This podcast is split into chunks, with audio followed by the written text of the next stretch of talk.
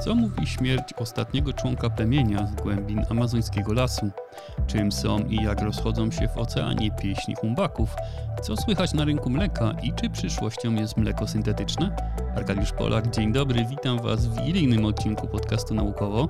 Mam nadzieję, że nieco dłuższe formy dzisiejszych materiałów także Wam się spodobają. Ciekawi mnie Wasza opinia. Napiszcie proszę komentarz na podcastowych social mediach. Linki znajdziecie w opisie. Zapraszam na dzisiejszy odcinek, który zaczniemy słuchając wielorybów. Tradycje kulturowe są niezwykle ważne dla rozwoju ludzi i cywilizacji, pozwalając na przekazywanie ukształtowanych zachowań i informacji, czy to przez rodziców, czy też szerzej przez osoby niespokrewnione, rozlewając się na następne pokolenia. Kształtowanie społeczności za pomocą kultury jest cechą nie tylko człowieka, ale także innych zwierząt. Na przykład ptaki posługują się śpiewem, który choć wrodzony, podlega ciągłym modyfikacjom, a nawet wyróżnia się lokalnymi dialektami, którymi posługują się osobniki z danego rejonu geograficznego. Taki proces małych zmian poprzez wykonywanie przez osobniki własnej wersji pieśni określany jest jako ewolucja kulturowa.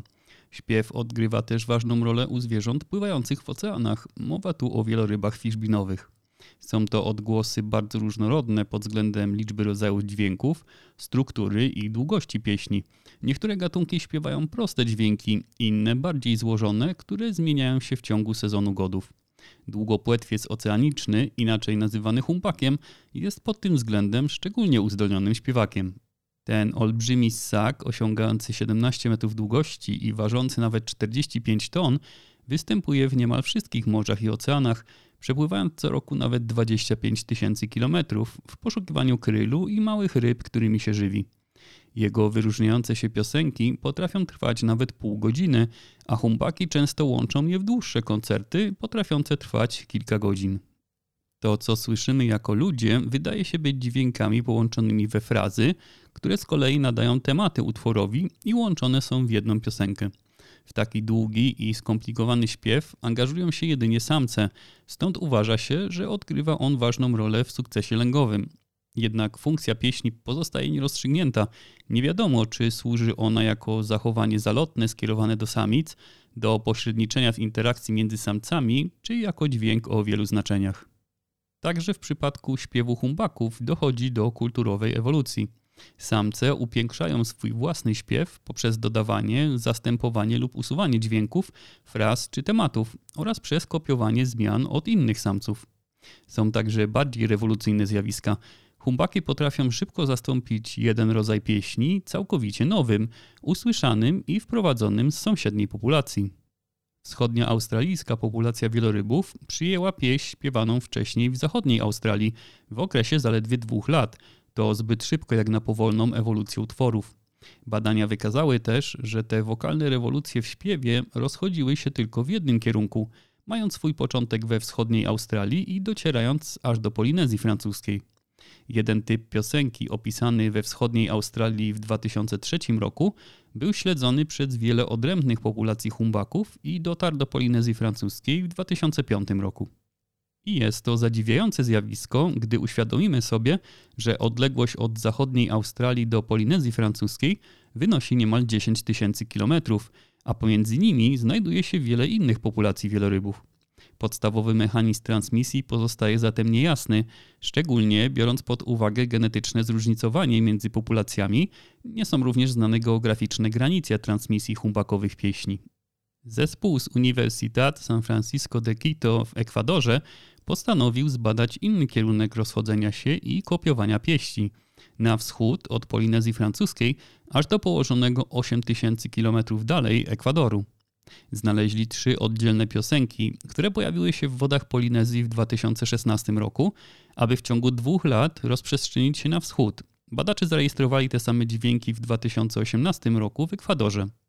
Odkrycie to rozszerza geograficzne granice transmisji kulturowej pieśni humbaków z półkuli południowej i wykazuje łączność wokalną między populacjami oddalonymi od siebie aż o 14 tysięcy kilometrów. Badanie sugeruje, że humbaki zimujące w Ekwadorze są wokalnie połączone z populacjami lęgowymi zachodniego i środkowego południowego Pacyfiku, co najmniej do wysp Tonga. W jaki sposób do tego dochodzi? Naukowcy stawiają hipotezę, że pieśń może być przekazywana między populacjami poprzez trzy mechanizmy. wymianę pieśni na wspólnych lub częściowo wspólnych żerowiskach lub szlakach migracyjnych, poprzez osobniki korzystające z różnych lęgowisk w różnych latach lub osobniki przemieszczające się między lęgowiskami w ciągu jednego sezonu lęgowego.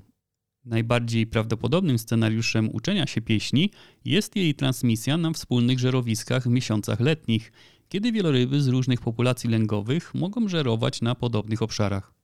Na podstawie nagrań z autonomicznych rejestratorów dźwięku pozostawionych przez naukowców w miejscach, gdzie zaobserwowano dzielenie się pieśniami, uważa się, że humbaki uczą się pieśni poprzez segmentację oraz poprzez zastępowanie tematów pod wpływem podobieństwa sekwencji dźwięków.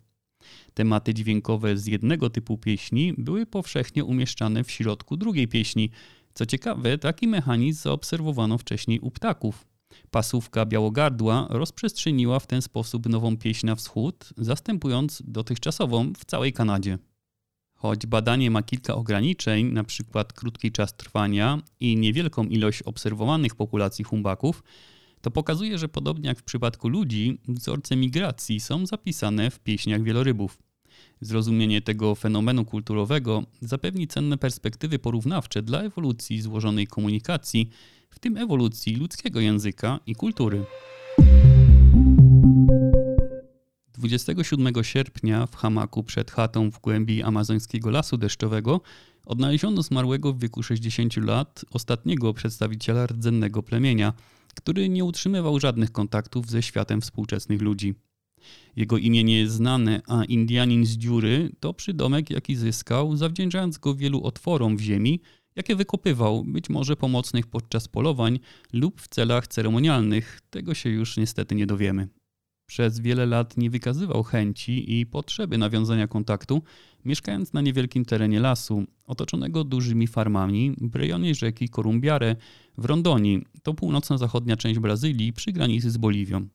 Dowody znalezione przez lata w okolicy sugerują, że sadził kukurydzę i maniok oraz zbierał miód, a także owoce takie jak papaje i banany. Ciało przyozdobione piórami znaleziono około 40 do 50 dni po śmierci mężczyzny, nie było żadnych oznak wtargnięcia na jego terytorium, nic w jego chacie nie zostało naruszone. Niemniej zostanie przeprowadzona sekcja zwłok, aby ustalić, czy przyczyną śmierci nie była jakaś choroba. I na tym właściwie kończą się krótkie notki w serwisach informacyjnych. Niestety to dopiero początek opowieści o okrucieństwie, chciwości, bezprawiu oraz pogardzie dla ludzi i przyrody. W Brazylii istnieje około 240 plemion tubylczych, a zgodnie z brazylijską konstytucją rdzenni mieszkańcy mają prawo do swojej tradycyjnej ziemi. Oczywiście przepisy te są całkowicie nieskuteczne i nikt ich nie przestrzega, a już na pewno nie rolnicy i biznesmeni zarabiający na wycince lasów deszczowych. Teren, na którym żył Indianin z dziury, musiał być objęty dodatkową ochroną poprzez sądowe wprowadzenie ograniczenia użytkowania zwane Tanaru Indigenous Land – ustanowione po raz pierwszy w 1997 roku i przedłużone ostatnio 16 października zeszłego roku na kolejne 10 lat. Ku ogromnej złości właścicieli ziemskich, których farmy otaczają ten 8000-hektarowy teren, dodatkowo chroniony przez członków brazylijskiej agencji do spraw ludności rdzennej FUNAI. To właśnie oni znaleźli ciało, a wcześniej nadzorowali teren, nieraz natykając się na chaty ze słomy czy głębokie doły, które Indianin wykopywał. Nadzór był niezbędny, ponieważ wcześniej dochodziło do krwawych masakr całych tubylczych plemion właśnie poprzez działania lokalnych właścicieli ziemskich, którzy kolejne połacie lasu chcieli wykorzystywać pod uprawy. Region Rondonia był pierwotnie porośnięty lasami deszczowymi o wielkości 200 tysięcy km2, a dziś jest jednym z najbardziej wylesionych obszarów Amazonii, bo wykarczowano tam ponad 1 trzecią lasów. Zresztą postępujący proces wylesiania obserwuje się w całej Amazonii. Obserwacje przeprowadza się za pomocą szczegółowych zdjęć satelitarnych. Jeden z systemów monitorowania nazwany jest systemem wykrywania wylesiania w czasie rzeczywistym DETER. Generuje alarm za każdym razem, gdy w koronach lasów zostanie wykryta nowa polana większa niż 3 hektary. Inny system, PRODES, generuje oficjalne roczne wskaźniki wylesiania Brazylii obliczony na podstawie wyboru zdjęć o wysokiej rozdzielczości z kilku różnych satelitów.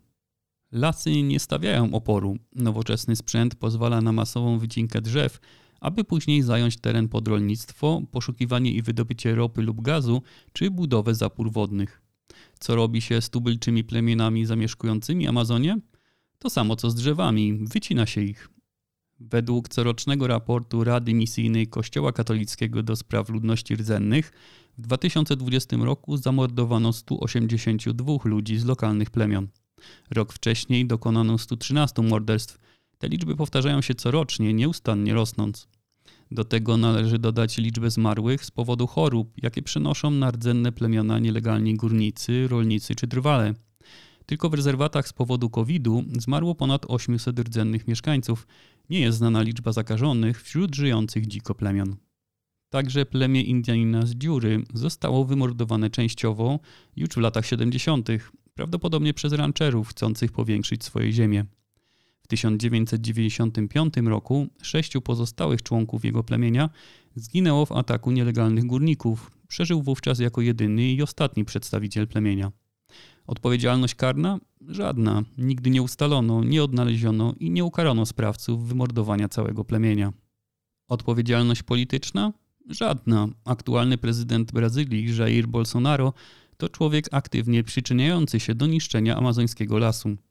Odkąd Bolsonaro objął władzę w 2019 roku, wylesianie i pożary w Amazonii wzrosły do poziomów najwyższych od ponad 10 lat. Współpracuje on z potężnym rynkiem brazylijskich agrobiznesów, wprowadza ustawy, które legalizują posiadanie nielegalnie zajętych i wyciętych terenów, przekazuje nadzór nad kontrolą lasów organizacjom powiązanym z sektorem rolniczym. Prezydent i jego środowisko regularnie doprowadzają do destrukcji mechanizmów ochronnych, takich jak monitoring satelitarny, personel w terenie i ustawodawstwo, mające na cele karanie przestępców i wytaczanie rdzennych terenów i obszarów ochrony. To wszystko jego zdaniem jest niepotrzebne i prowadzi do spowolnienia rozwoju Brazylii i jej gospodarki oraz szkodzi jej mieszkańcom. A zdjęcia satelitarne pokazujące wylesianie Amazonii nazywa kłamstwem, którego celem jest szkodzenie wizerunkowi Brazylii za granicą. I tak, pomimo rosnącej izolacji Bolsonaro na arenie międzynarodowej, korzysta on z trendów globalnych, aby zarabiać pieniądze na niszczeniu środowiska, stawiając zysk ponad ochronę przyrody. Popyt na surowce, zwłaszcza w Chinach, jest silny. Nic dziwnego, że są one największym rynkiem zbytu Brazylii, przyczyniając się do rosnącej destrukcji brazylijskiej przyrody. Ignorując międzynarodowe naciski, brazylijski rząd robi wszystko dokładnie odwrotnie niż powinien. Wydaje się zatem jasne, że jakiekolwiek rozsądne działania na rzecz ochrony amazońskich lasów będą możliwe tylko wtedy, gdy zmienią się ludzie rządzący Brazylią. Śmierć Indianina z dziury jest tylko kolejnym etapem historii ludobójstwa i masowego niszczenia przyrody. Opowieść trwa dalej, także dzięki wysiłkom ludzi, którzy starają się chronić zarówno środowisko, jak i 900 tysięcy rdzennych mieszkańców Brazylii, szanując ich historię i prawo do życia na ich ziemiach oraz starając się dawać opór polityce i biznesowi. Na to, jak ta historia się zakończy, mają wpływ także ludzie spoza Brazylii, Potrzebna jest stała i rosnąca presja społeczności międzynarodowej, a każdy z nas może zwracać uwagę, czy kupowany produkt nie pochodzi z kraju mającego za nic ochronę światowego dziedzictwa, jakim są amazońskie lasy deszczowe i ich mieszkańcy. Organizacja Narodów Zjednoczonych do spraw wyżywienia i rolnictwa FAO podaje, że ponad 80% światowej populacji spożywa regularnie produkty mleczne w różnej formie świeżej, sproszkowanej lub przerobionej na inne produkty. Zestawiając to ze stale rosnącą liczbą ludności i zapotrzebowaniem na żywność oraz dążeniami do bardziej zrównoważonej formie i produkcji, rynek mleczarski stoi w obliczu wielu wyzwań, ale także i możliwości. Celem nowego raportu Mileny Bojowicz jest usystematyzowanie wiedzy, która może przyczynić się do programów badawczych i dialogu politycznego na temat tego, jak żyć i jak jeść w sposób zrównoważony w obecnej epoce globalnych zmian środowiskowych. Wszak oddziaływanie rynku mleczarskiego nie kończy się na naszych kubkach smakowych, jest ważną gałęzią gospodarki, zatrudniając mnóstwo ludzi w łańcuchu produkcji i wywołując przy tym też skutki społeczne oraz mocno oddziałując na środowisko. W skali globalnej wyraźnie widać zmiany w produkcji i konsumpcji mlecznych wiktuałów, uwzględniając skalę i geografię, ale także powiększanie kapitału rynku mleczarskiego, areałów upraw czy liczby zwierząt hodowlanych. Rośnie też świadomość skutków oddziaływania mleczarstwa na środowisko, a przez to pojawiają się też alternatywy dla mleka. W nowym badaniu autorzy przeanalizowali mnóstwo raportów i prac badających rynek mleka i jego oddziaływanie społeczno-ekonomiczne. Po pierwsze, zaobserwowano zmiany w geografii i skali zarówno produkcji, jak i konsumpcji produktów mlecznych z północy na południe. Przemysł mleczarski rozwinięty jest najbardziej na globalnej północnej ziemi. Dzięki bogaceniu się społeczeństw rośnie popyt na produkty mięsne i mleczne, także w formie popularnych w krajach rozwiniętych fast foodów. Część sukcesu rynek mleczarski zawdzięcza też technologii. Aby zapewnić stałe i tanie dostawy mleka o dłuższej trwałości, świeże mleko jest przetwarzane na formy sproszkowane. Większość importu i eksportu produktów mlecznych ma postać pełnego lub odtłuszczonego mleka w proszku. Prognozach sięgających roku 2030 widać, że spożycie produktów mlecznych będzie najszybciej rosło na globalnym południu, napędzane przez wzrosty w Indiach i Chinach. Szacuje się, że w ciągu najbliższej dekady sektor mleczny wzrośnie tam o około 1 trzecią. Niestety stanie się to kosztem małych gospodarstw i społeczności wiejskich, ponieważ współczesne, zaawansowane technologicznie mleczarstwo wymaga nakładów pieniędzy, a nie pracy, co rodzi pytania o to, kto będzie czerpać korzyści z ekspansji mleczarstwa na globalnym południu. I jest to kolejny trend zaobserwowany przez autorów analizy. Tradycyjnie produkcja mleka była oparta na małych gospodarstwach wypasających krowy. Niestety ekonomia skali faworyzuje duże korporacje, które mają środki, aby inwestować w nowe technologie zwiększające produkcję i rentowność całego biznesu, eliminując całkowicie mniejsze gospodarstwa z rynku. Przyczynia się do tego też świadomość konsumentów, którzy chcą mieć bezpieczne produkty wysokiej jakości, a to z kolei wymusza na producentach więcej nakładów w celu zapewnienia, że produkty mleczne spełniają wymagania dotyczące jakości produktu. W efekcie linie produkcyjne pochłaniają coraz więcej energii, od zbioru mleka poprzez procesy pasteryzacji i homogenizacji, aż do przechowywania, pakowania i dystrybucji, te łańcuchy wymagają olbrzymich nakładów energii. Nie bez powodu przetwórstwo mleczne jest uznawane za jeden z najbardziej energochłonnych sektorów w całym przemyśle spożywczym. Spełnienie tych standardów może być trudne dla małych producentów mleka ze względu na brak dostępu do nowoczesnych technologii przetwórczych oraz czas i wydatki.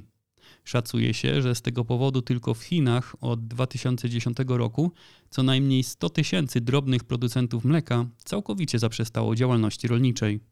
Nie mogąc również konkurować z dostępem do technologii, jaką posiadają koncerny spożywcze. Jeden z największych chińskich producentów mleka surowego uruchomił w 2020 roku maszynę, która jest w stanie wydoić trzy razy dziennie 10 tysięcy krów, co powoduje nie tylko przewagę w wydajności produkcji, ale też powoduje zwiększony dystans moralny między ludźmi a bydłem, redukując krowy do kolejnych liczb zarządzanych przez automatyzowane systemy, a nie żywe zwierzę, o które dbać musi hodowca osobiście.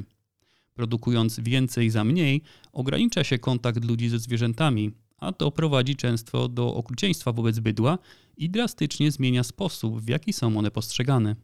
Rośnie natomiast świadomość skutków, jakie mleczarstwo niesie dla planety. Degradacja gleby, zasolenie, wylesianie, zanieczyszczenie wód i metan produkowany przez zwierzęta wymieniać by można długo, wychodząc poza obszar samego rolnictwa, wszak produkty mleczne wymagają przechowywania w chłodniach i transportu do sklepów. Liczne badania prowadzone od 2006 roku wskazują na szkody niewspółmierne do korzyści.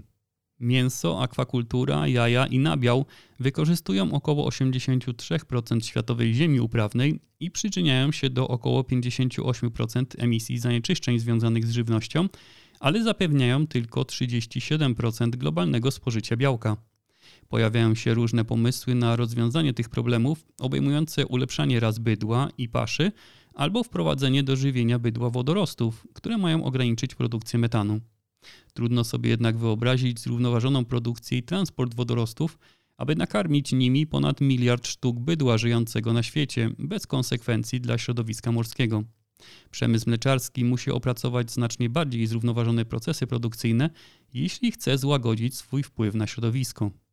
Coraz częściej słyszy się o potrzebie drastycznego ograniczenia spożycia przez ludzi produktów zwierzęcych w celu zmniejszenia negatywnego wpływu rolnictwa na środowisko. Takie pomysły spotykają się z głośnym sprzeciwem i wydają się niemożliwe do zrealizowania w skali globalnej, tak aby efekt zmiany ludzkiej diety był zauważalny dla środowiska. Zamiast tego sensowniejszą propozycją wydaje się być inna zmiana w kierunku białek pochodzenia roślinnego jako zamiennika białka pochodzenia zwierzęcego. Sprzedaż mlek roślinnych rośnie na północy globu, przyczyniając się do zauważalnego spadku konsumpcji mleka odzwierzęcego, co spotyka się z oporem przemysłu mleczarskiego, który chce chronić swój rynek, na przykład poprzez zakaz używania na opakowaniach terminów lub obrazów, które odnoszą się do produktów mlecznych, jeśli produkt nie pochodzi od zwierzęcia.